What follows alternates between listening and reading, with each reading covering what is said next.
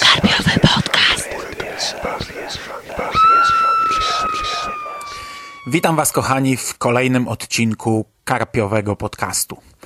Ja nazywam się Hubert Spandowski i dzisiaj mam dla Was recenzję kolejnej książki z Uniwersum Metro 2033. Trzecią pozycję z tego cyklu autorstwa polskiego pisarza i drugą część powieści Otchłań, mianowicie Wieżę Roberta J. Schmidta. I zacznijmy od tego, że wydawnictwo Insignis naprawdę miło zaskoczyło polskich fanów tej postapokaliptycznej serii. Przywykliśmy do tego, że dostajemy dwie książki rocznie, ukazujące się mniej więcej wiosną i jesienią. A tymczasem niewiele ponad dwa miesiące po marcowej premierze książki Prawo do użycia siły Denisa Szabłowa i antologii fanów Echo zgasłego świata na półki sklepowe trafiła kolejna część serii. Jeśli chodzi o mnie, to kompletnie nie spodziewałem się takiego prezentu, a że otchłań oceniałem bardzo dobrze, o czym możecie posłuchać również w Karpiowym Podcaście, Karpiowym Podcaście z września, no to z tym większym entuzjazmem przyjąłem premierę Wieży. Akcja książki rozgrywa się bezpośrednio po wydarzeniach z Otchłani.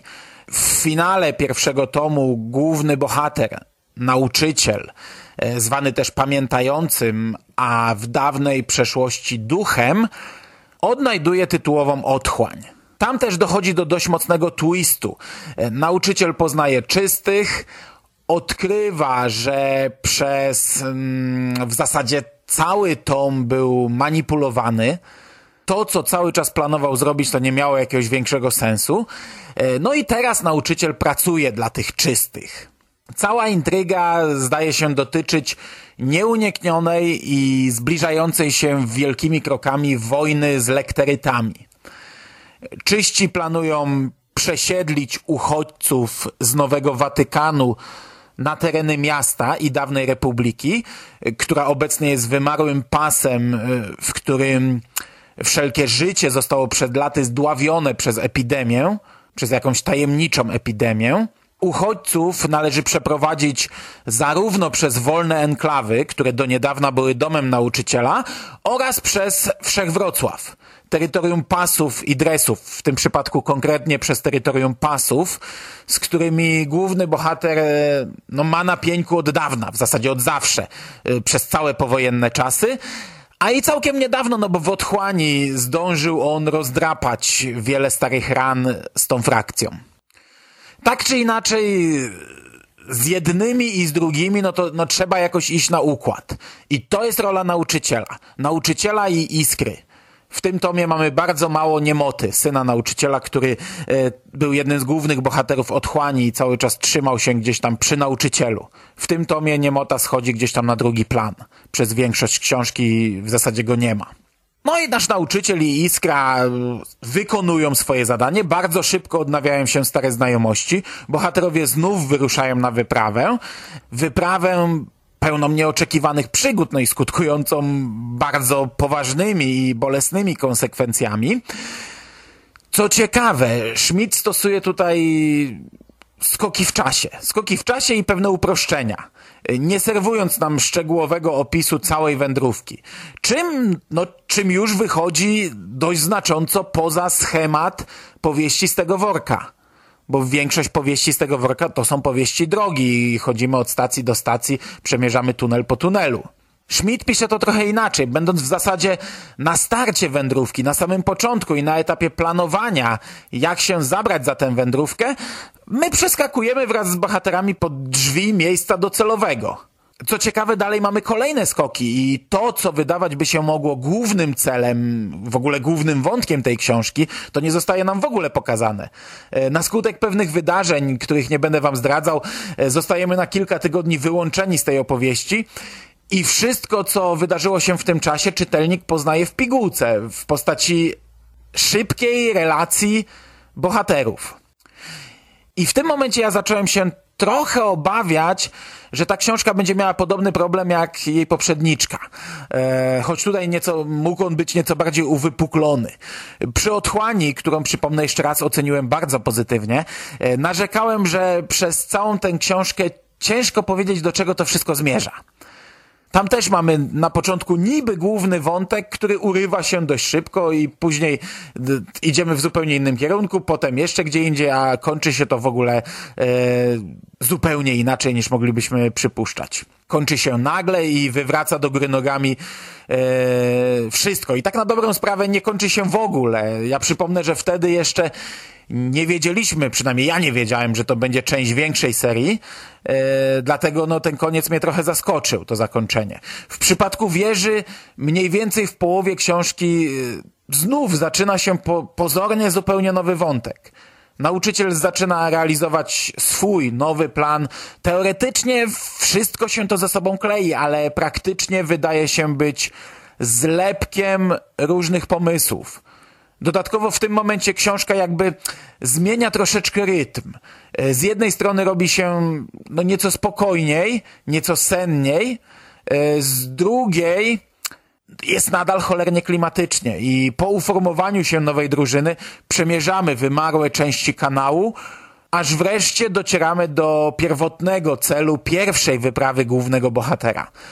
I w tym momencie, gdy ja zacząłem już sobie w głowie powoli układać elementy, do których przyczepię się w tej recenzji, Schmidt niespodziewanie serwuje nam finał łączący i ucinający wszystko. Wszystko, co pozaczynał w tym i poprzednim tomie. I to jest cholernie brutalny i krwawy finał. Ostatnie 50 stron to jest naprawdę prawdziwa jadka, prawdziwa rzeźnia. I chociaż ten finał stawia w zupełnie innym świetle wszystkie wydarzenia, jakie do tej pory miały miejsce, i wydaje mi się, że w zestawieniu z prologiem to to trochę zgrzyta czasowo, ale to jest ciężki spoiler, więc jakby ktoś chciał pogadać, to zapraszam do komentarzy. Ogólnie ja jestem bardzo zadowolony z tego, w jakim kierunku potoczyła się ta historia. A co ciekawe, wieża, choć ma ten krwawy finał i teoretycznie zamyka pewien etap tej historii, to ta książka kończy się cliffhangerem pod tym względem wieża jest jak finał serialowego sezonu.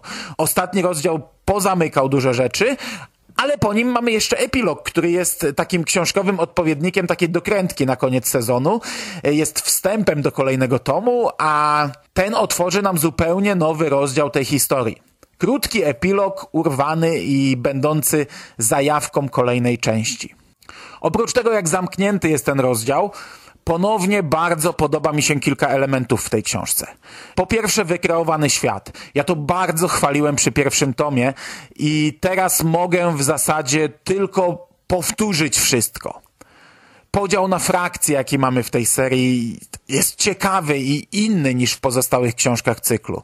W wieży poznajemy nieco więcej z historii tego fragmentu ocalałego świata i choć są to różne wersje przekazywane przez różne osoby, e, często nie mające związku z rzeczywistością, to to się czyta świetnie i to buduje nam coraz większy obraz naprawdę fajnie przemyślanego świata.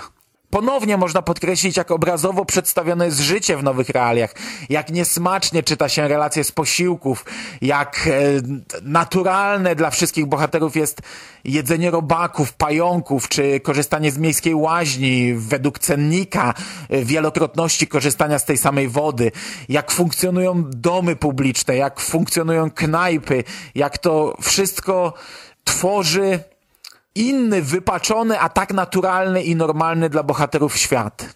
Akcja wieży rozgrywa się głównie pod powierzchnią, co ja bardzo lubię, a gdy już wychodzimy na świeże powietrze, to jest to cholernie klimatyczne. Spacerujemy wraz z bohaterami po gruzach miasta, wspinamy się na najwyższy punkt widokowy i obserwujemy panoramę zniszczonego Wrocławia motyw mutantów i walki z nimi został ograniczony do absolutnego minimum. Więcej ich mamy w klatkach e, w celach rozrywkowych niż w konkretnych starciach stalkerzy kontra mutki. I to jest dobre, bo jak często powtarzam, ja nie przepadam zbytnio za zbyt mocnym eksponowaniem tego elementu.